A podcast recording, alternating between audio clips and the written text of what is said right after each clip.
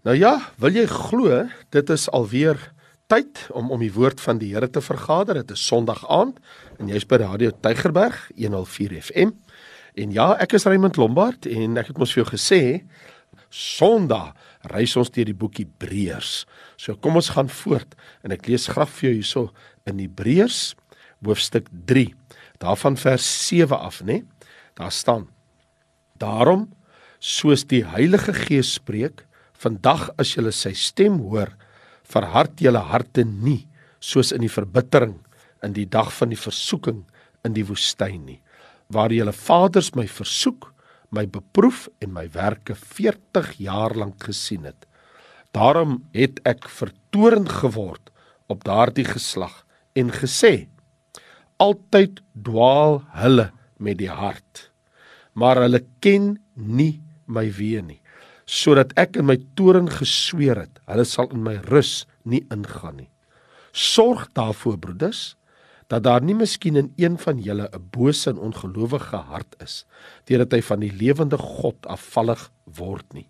Maar vermaan mekaar elke dag, solank as dit vandag genoem word, sodat niemand van julle deur die verleiding van die sonde verhard word nie. Want ons het deelgenote van Christus geword as ons net die begin van ons vertroue tot die einde toe onwrikbaar vashou. Omdat daar gesê word: "Vandag as jy sy stem hoor, verhard julle harte nie soos in die verbittering nie." Wie was dit dan wat gehoor het en hom verbitter het? Was dit nie almal wat onder leiding van Moses uit Egipte gegaan het nie? En op wie was hy 40 jaar lank vertoorn Was dit nie op die wat gesondig het, wie se lyke in die woestyn geval het nie? En aan wie het hy gesweer dat hulle in sy rus nie sal ingaan nie, behalwe aan die ongehoorsaames? Ons sien dat hulle deur ongeloof nie kon ingaan nie. Wow, wat 'n mondvol. Vriende, wanneer jy hierdie gedeelte lees, dan kom daar 'n besef by mense op. Kom ek vertel jou wat gaan hier aan. Hier is 'n tragedie. Die tragedie is en dis wat die Hebreërs skrywer hier vir ons vertel dat die volk is uit Egipte maar hulle het nog nooit in Kanaan gearriveer nie. Want ons reis deur die Hebreërs wat ons by hierdie skrifgedeelte bring, hierdie skrifwoord vind ons dat hier is 'n vermaaning en ons vind verskillende vermaanings in die boek Hebreërs. Ons het in hoofstuk 2 vers 1 tot 4 reeds gesien dat hy vermaan ons ons moenie wegdrywe nie. Hierdie is die tweede vermaaning wat ons nou het. En maar hierdie vermaaning is die gevaar van om te twyfel en ongelowig te wees. Dit is belangrik dat ons iets verstaan van die eksodus van Israel uit Egipte en hulle ervarings van ongeloof in die woestyn in die wildernis wat daar plaasgevind het. Daar is tog sekerlik geestelike lesse te leer uit Israel se ervarings uit Egipte en omswervinge deur die woestyn. Want ja, Israel se slawerny in Egipte is 'n illustrasie van die sondaar se slawerny in die wêreld. Want soos Israel verlos was uit Egipte deur die bloed van die lammetjies op hulle deurposte. Jy sal onthou dat die nag toe hulle uitgetrek het, toe hulle die eerste Pasga gehou het, het hulle mos die bloed van die lammetjies met 'n hisopstingel teen die kant van die deurposte en bo by die drempel van die deurposte het hulle dit gesmeer. En so word die sondaar wat in Christus die lam van God glo, verlos uit die slawerny van sonde uit. Hierdie is hierdie wonderlike ding wat ek en jy weet dat Jesus het ons ook kom vrymaak in hierdie geval uit sonde. En lees ons hierso in Kolossense hoofstuk 1 vers 13 dat hy wat ons verlos het uit die mag van duisternis en oorgebring het in die koninkryk van die seun van sy liefde in wie ons die verlossing het deur sy bloed naamlik die vergifnis van ons sondes. So dit was nie God se wil dat Israel na hulle uittog uit Egipte in die woestyn bly nie. God se begeerte was dat sy mense die heerlike erfenis ingaan, die land van belofte, die land Kanaan. Maar gaan ons na Numeri hoofstuk 13 en 14 waar hulle op die grens van die land Kanaan was, dan sien ons hoe hulle in ongeloof geweier het om in die land in te gaan. En dit is juis as gevolg van die feit dat daai spioene ek en jy kan mos sou sê want ons weet wat gebeur het met daai 10 spioene wat gesê het nee, daar's reus in die land, ons kan nie in nie. En hulle sê ons kan nie, ons kan nie. Dit is die verklaring van die 10 spioene. Terwyl Joshua en Caleb, die ander twee spioene, hulle sê maar ons kan. Ons kan hierdie land inneem. Die Here gaan vir ons hierdie land gee. Maar die 10 spioene se woord het die oorhand gehad oor hierdie twee, oor Joshua en Caleb. En die volk het gekies om eerder die 10 te glo en in ongeloof agteruit gegaan in steede van om vorentoe te gaan in die geloof het hulle agteruit beweeg. En hier is natuurlik 'n geweldige ding hierby betrokke, want soos ons sien in Hebreërs hoofstuk 3 vers 11, baie duidelik omskryf die skrywer van die boek Hebreërs en hy sê vir ons sodat ek in my toren gesweer het, hulle sal in my rus nie ingaan nie. So op daardie oomblik het hulle hul erfenis, die beloofde land gemis en almal wat nie geglo het nie, het uiteindelik gesterwe oor 40 jaar in die woestyn. Nie een wat oor die ouderdom van 20 jaar was, het die Here gesweer, nie een behalwe die twee wat geglo het, Joshua en Caleb, sal lewe om eendag die beloofde land in te gaan nie. So die hele volk het weens hulle ongeloof nie die rus ingegaan nie. En hier is die punt wat die Hebreërs skrywer maak. Die woestynomswervinge verteenwoordig die volgende: die ervarings van gelowiges wat nie beslag lê op hulle geestelike erfenis in Christus nie. Die wat twyfel en in ongeloof lewe op God se beloftes. Hulle lewe in rustelose ongeloof. Daar's geen sielerus vir hierdie gelowiges nie. God is met hulle, ja. Net soos wat hy met Israel was. Maar hulle geniet nie die volheid van God se seën nie. Hulle is by wyse van spreuke uit Egipte, maar nie in Kanaan nie. Wat 'n tragedie. Wat 'n tragedie. Ons is uit Egipte uit, maar ons is nie in Kanaan nie. Wat 'n hartseer toedrag van sake. Ons moet tog leer uit hierdie slegte voorbeeld. En hy verduidelik hier vir ons Hebreërs skrywer. In Hebreërs hoofstuk 3 vers 7 tot 11. Hy sê die Heilige Gees sê moenie as jy sy stem oor jou harte verhard nie soos in die verbittering in die woestyn waar die volk gedoen het waar julle vaders my beproef het en 40 jaar lank my beproef het en ek was vertoorn op daai geslag en ek het gesweer hulle sal nie in my rus ingaan nie. So wat die skrywer doen is die Hebreërs skrywer in die Nuwe Testament. Hy sê vir ons Julle moet gaan kyk wat het gebeur met daai eerste generasie Israeliete wat uit Egipte uitgetrek het. En hulle rebellie, gaan kyk wat het gebeur. Hulle verharde hart, hulle ongeloof teen God daar in die woestyn. En wat met hulle gebeur het? God waarsku hulle nou dat hulle uit Egipte is om te volhard in hulle geloof, maar in steede daarvan het hulle hulle hart verhard in ongeloof en die Here daardeur toornig gemaak. Dit het hulle uit die beloofde land uitgesluit vir 40 jaar lank.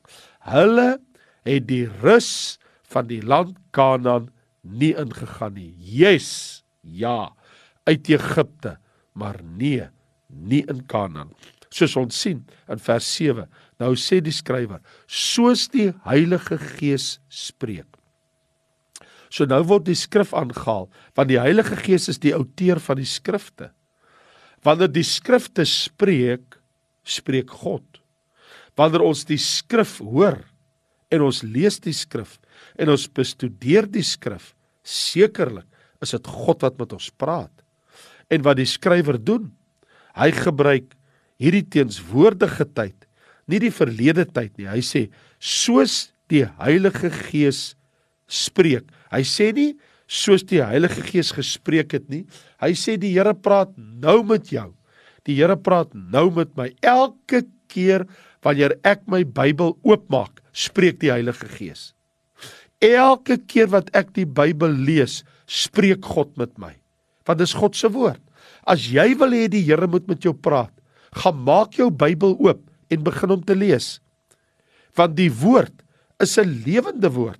Soos Hebreërs 4 vers 12 sê, die woord van God is lewend en kragtig en skerper as enige tweesnydende swaard.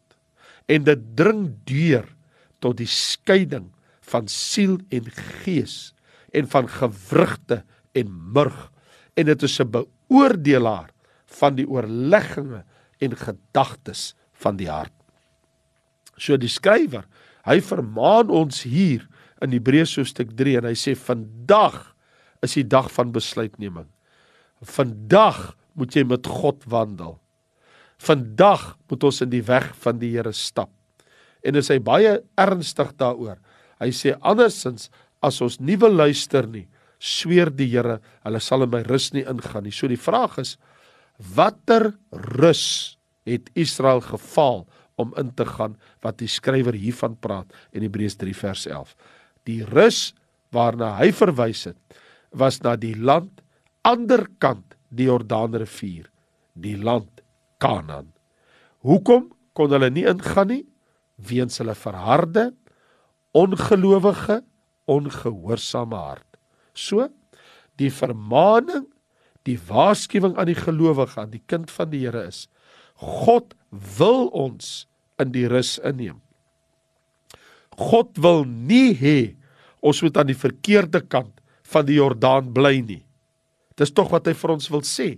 Moenie aan die verkeerde kant van die Jordaan bly, maar wees bereid om deur die Jordaan te gaan in die geloof en gaan die beloofde land in wat God beloof het. So nou maak die Hebreë skrywer in vers 12 en 13. Hy sê sorg daarvoor broeders dat daar nie onder een van julle ongelowige hart is, maar vermaan mekaar elke dag. So hoe beveg ek en jy hierdie ongelowige verharde hart? Hy sê vermaan mekaar elke dag solank as dit vandag genoem word. So kinders van God, gelowiges in Christus Jesus, moet mekaar aanmoedig en vermaan in die woord. In die in die gelowige samekomste, in gebed, in sang, in musiek, in prediking, in God se woord dat ons mekaar sal aanmoedig om onwrikbaar aan die Here vas te hou. Want jy sien, daar is 'n rus vir die gelowige. Bedoelende, daar's 'n plek van veiligheid. Daar's 'n plek van sekuriteit. Daar's 'n plek van saligheid in Christus. So wat die skrywer doen is, hy bring ons na hierdie unieke, as ek dit so mag stel, Christologiese komponent van 'n teologie van rus. Bedoelende, ons sien duidelik hier dat in Christus Jesus in die volgende hoofstuk het ons 'n Sabbatsrus nie 'n plek nie, maar 'n persoon. Hy is ons rus. Hy gee ons rus. Hy gee ons vrede. My vrede gee ek aan julle wat alle verstand te bowe gaan. Nie 'n land nie, maar 'n seun, God se seun. So nou vermaan die skrywer ons en hy sê vir ons in vers 14: Julle moet onwrikbaar vashou met vertroue aan die Here. In ander woorde, ek en jy word vermaan om te volhard in die geloof. Dit is ons verantwoordelikheid. 'n Fatale fout sal wees om ongelowig te wees. Vriende, ek sê nou vir jou, die Israeliete het baie sonde gedoen in die woestyn, maar net een baie spesifieke sonde het hulle verhinder om in die beloofde land in te gaan. Wat was dit? Die sonde van ongeloof. Vers 19 sê van Hebreërs en ons sien hulle kon deur hulle ongeloof nie ingaan nie. Jy kan nie met ongeloof na God toe kom nie. Jy moet glo dat God is en 'n beloner is van die wie na hom kom. Sonder geloof word die beloofde land Kanaan nie binne gegaan nie. Duidelik sê die Bybel, wie tot God gaan, moet glo dat hy is en 'n beloner is. So diegene wat sonder geloof is, die gelooflose, hulle sal nie in God se eskatologiese rus ingaan nie. Want jy sien, sonder geloof kan ons ook nie die beloftes van God ervaar nie. Selfs wanneer ons bid vir siekes, die Bybel sê in Jakobus 5, salf hulle met olie, lê hulle die hande op in die gebed van die geloof.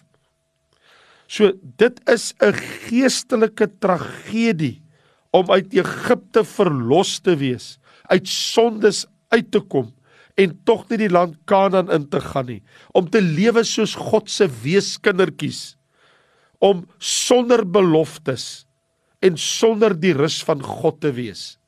Dis 'n vreeslike ding. Weet jy dat die naald van 'n kompas kom nooit tot rus totdat dit op suiwer noord te staan kom. As die naald nie op noord is, kom dit nie tot rus nie. Dit bly beweeg. Weet jy dat die wyse manne uit die ooste, hulle kon nie tot rus kom totdat die ster tot stilstand gekom het bokant die huis waar Christus was, die môre ster. Die ster kon nie tot rus kom nie en hulle die ster bly volg totdat hulle gekom het op die plek waar Jesus was. Ek en jy sal nooit geestelik tot rus kom totdat ons in Christus Jesus se rus ingegaan het. Is so die hart van hierdie tweede vermaaning en daar's 5 van hulle in die boek Hebreërs. Die eerste het ek vir gesê was in Hebreërs 2. Ons moenie wegdrywe. Ons moenie soos mense wees wat nie anker in die skip wat maar net wegdrywe met elke wind van lering nie. Ons in die woord, kom ons hou vas. En hierdie tweede vermaaning wat ons hier sien in Hebreërs 3 sê vir ons: Julle moenie soos die Israeliete wees. Wat was hulle situasie? Hulle was wel uit die land en dis 'n tragedie. Hulle was uit die land Egipte uit, maar hulle het nie gearriveer in Kanaan eers na 40 jaar. Hoekom? Weens hulle ongeloof en ongehoorsaamheid. So hier's die punt. Die Here sê vir my en jou, staan in geloof. Die Here sê vir ons, leef deur die geloof. Die Here sê vir ons, moenie twyfel nie. Ek is 'n God van my woord. Wie daar staan geskrywe in 2 Korintiërs 1, hoeveel beloftes van God daar ook al mag wees, in hom is hulle almal ja en amen. Die Here is nie 'n mens dat hy lieg nie. Dit sal jou beroof van die beloftes van God as jy in ongeloof voor die Here staan. Dan is jy nou maar wel eenmaal soos Israel. Jy's uit Egipte uit, maar jy het vasgeval in die woestyn. Jy's nog aan die ander kant van die Jordaan. Wat 'n tragedie. Uit Egipte, maar nog lank nie in Kanaan nie. En die en die gevaar is dat die Here het gesweer dat daardie mense sal nooit in sy rus ingaan nie. Ek en jy weet dat in Jesus Christus het ons 'n Sabbats rus. O, oh, die Bybel sê daar in Hebreërs 4 hy het eers so gespreek. God het op die sewende dag van sy werke gerus. Maar nou staan daar in vers 9, daar bly 'n Sabbatsrus oor vir die volk van God. En daai Sabbatsrus word vir ons vertel is Jesus Christus. O, oh, is dit nie wonderlik? Is dit nie wonderlik dat Jesus sê ek is die rus. En hier is die punt en die Here wil hê dat jy dit moet hoor vandag. Daar is vir jou 'n rus. Daar is 'n plek van vrede. Kom net na Christus Jesus toe sodat jy jou rus in die Here kan vind. Want is dit nie 'n vreeslike tragedie dat mense begin het om te glo, maar dan laat gaan hulle en hulle hou nie vas aan die Here nie. Hou vas aan die woord van die Here. Hy sal nooit op sy woord teruggaan nie. Ons het 'n wonderlike groot hoëpriester wat deur die hemele gegaan het. Ons het vrymoedigheid, ons het 'n troon van genade. Daar kan ons barmhartigheid verkry. Daar kan ons genade vind om op die regte tyd gehelp te word. Dit is hoekom Hebreërs 4 vers 11 sê: "Laat ons ons dan beywer om in die rus in te gaan, sodat niemand in dieselfde voorbeeld van ongehoorsaamheid bly nie." Vader, ons wil U loof en prys. Ons wil vir U dankie sê. O Here, vir hierdie wonderlike godswete. Yes, dit is so, dit is waar dat die volk het nie die land Kanaan kon binnegaan nie. Hulle moes dus kan die Jordaan bly. Hulle moes aan daardie kant bly vir 40 jaar. En nie een van daai ongelowiges, nie een van daai 10 spioene wat ongeloof was en wat almal wat oor 20 jaar was beïnvloed het. Nie een van hulle het ooit die Jordaan gekruis om die land van belofte in te gaan behalwe Joshua en Caleb want hulle het bly glo hulle het aan die Here vasgehou. Hulle het gesê die Here is met ons. Die Here sal ons help en die Here sal vir ons oorwinning oor ons vyande gee.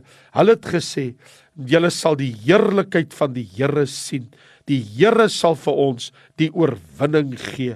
Die land wat ons verken het, is 'n goeie land. Dit is 'n buitengewone goeie land. Die Here het 'n welbehae in ons en die Here gee ons hierdie land wat oorloop van melk en honing. Maar wees net nie teen die Here opstandig nie. Ehm um, wees nie opstandig teen die Here nie, maar hou vas aan die Here en glo aan die Here, want die Here gee vir ons hierdie goeie land. Nou wil ek vir jou sê, glo en hou vas aan die Here in die naam van Jesus Christus en dan sal jy oor die Jordaan gaan in die land van belofte, vol van die seëninge, vol van die heerlikheid, vol van Christus, vol van sy beloftes, sy krag, sy naam, sy heerlikheid, sy gees oor jou lewe. Mag die Here jou seën soos wat jy oortrek oor die Jordaan en dat jy die land van belofte in besit kan neem. Al die seëninge wat die Here vir jou gegee het, staan daar dan nie geskrywe in Efesiërs 1 vers 3. Geseënd is die God en Vader van ons Here Jesus Christus wat ons geseën het met alle geestelike seëninge in die hemele in Christus Jesus, die land van ons belofte, in die hemele, die hemelse Kanaan, geseën het met alle geestelike seënings. Vader, ons loof en prys U daarvoor in Jesus wonderlike naam. Amen.